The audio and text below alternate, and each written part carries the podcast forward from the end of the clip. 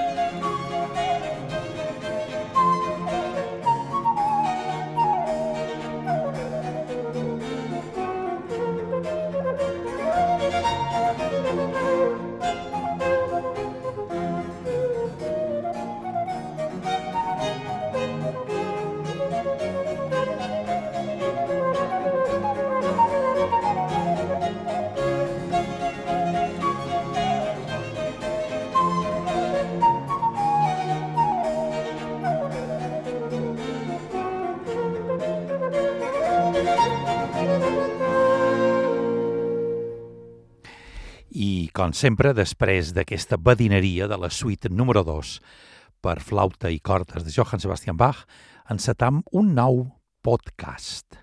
Avui el començarem amb música anglesa del segle XX. Sempre s'ha dit que eh, Gran Bretanya, Anglaterra, eh, no tenen grans noms de primera línia dins el món de la música. Des de Henry Purcell, des de Henry Purcell, parlam del segle XVII, fins al segle XX, no hi ha primeres figures de la composició a Anglaterra.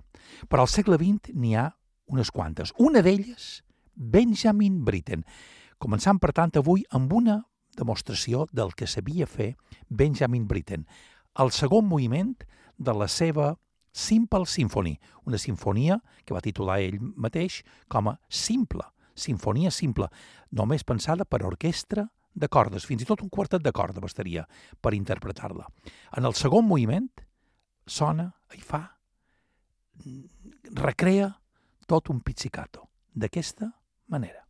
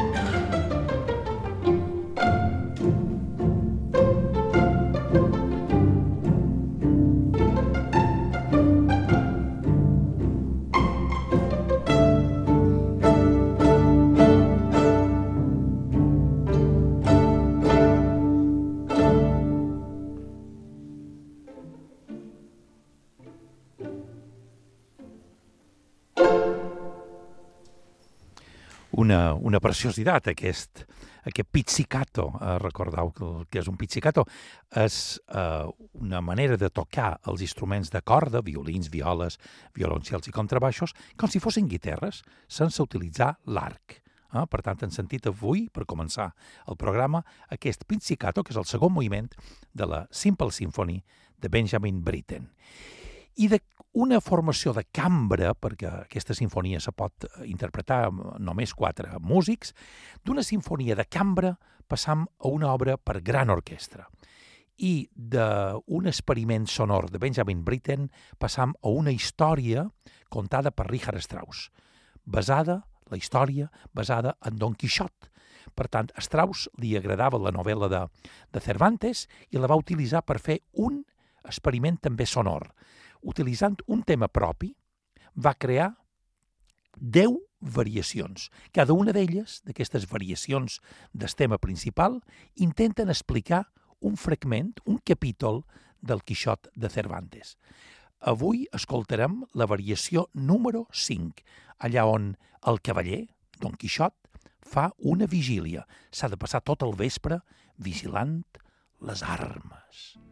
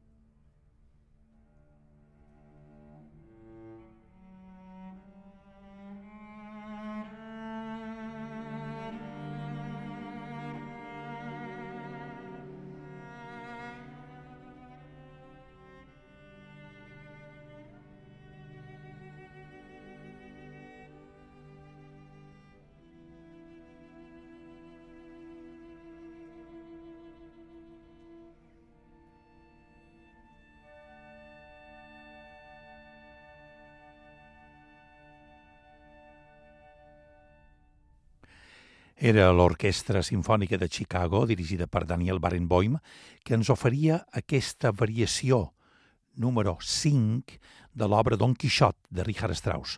Recordam que és una obra eh, pensada per un tema i després 10 variacions d'aquest mateix tema. Cada una d'aquestes variacions intenta explicar una, un capítol, una història, una, un moment del Quixot de Cervantes. Entrem ara a la nostra secció que normalment titulam Música infreqüent. Avui portam un compositor del tot desconegut avui, tot i que en el seu temps, el barroc, va ser un compositor bastant valorat, bastant famós. Havia nascut a Trento, va estudiar a Roma, se va ordenar sacerdot, va tornar a Trento i va treballar a Trento durant 40 anys com a músic de l'església de Trento. Després va anar a Pàdua i va morir allà. Aquest eh, Francesco Bonporti, eh, que Francesco Bonporti, és un compositor que va eh, influir fins i tot a la música de Johann Sebastian Bach.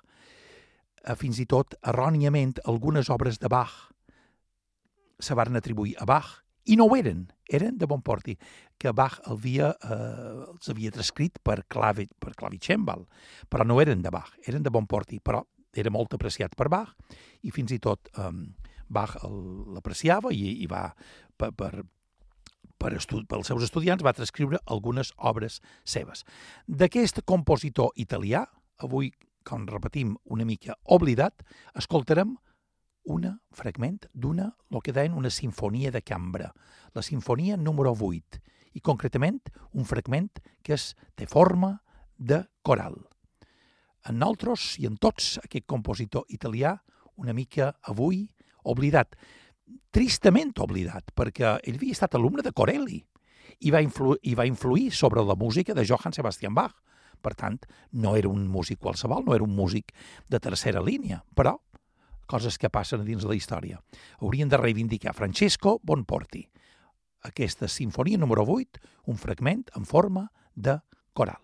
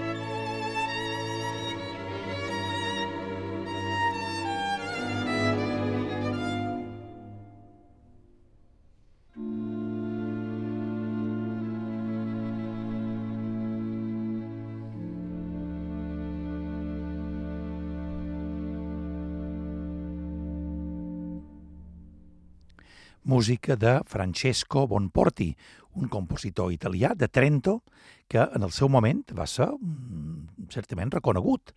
Uh, dèiem que havia influït en la música de Bach. Ara avui per avui és un compositor molt poc, molt poc uh, programat en, el, en les sales de concerts. Dèiem que havia influït sobre Bach. No sé si ho podran comprovar, però posarem ara música de Bach. No sé si, si aquesta música eh, li poden veure matisos de, de Francesco Bonporti. Parlam d'un fragment de la cantata número 6.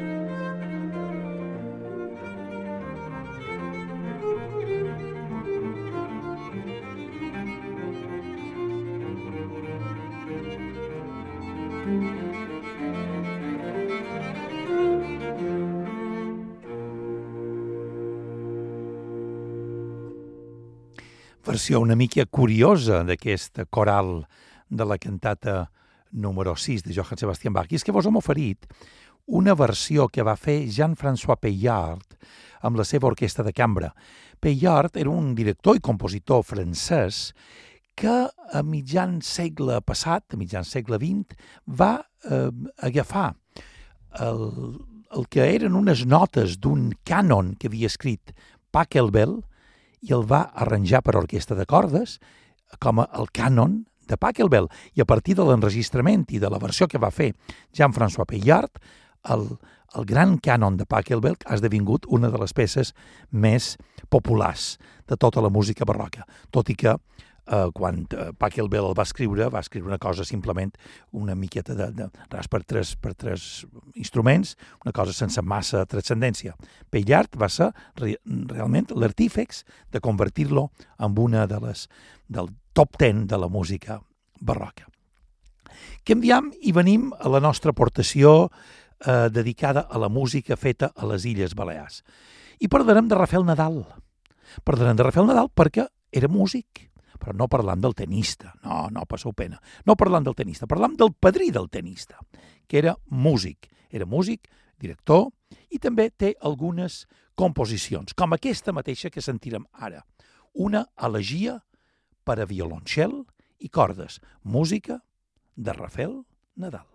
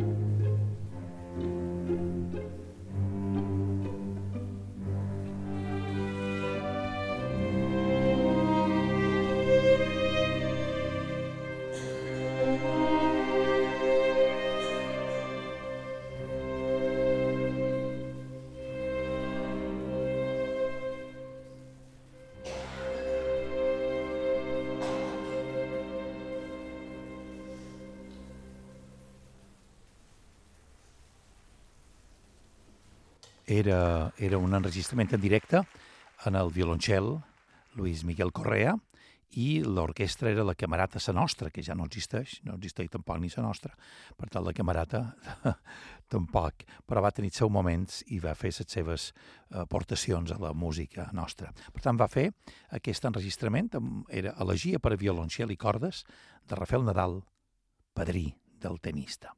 I avui ens acomiadam amb música de Johannes Brahms, una de les seves danses hongareses, concretament la número 5. És la London Symphony Orchestra, dirigida per Jarvi. Amb aquesta música ens acomiadam avui. Gràcies i fins sempre. Música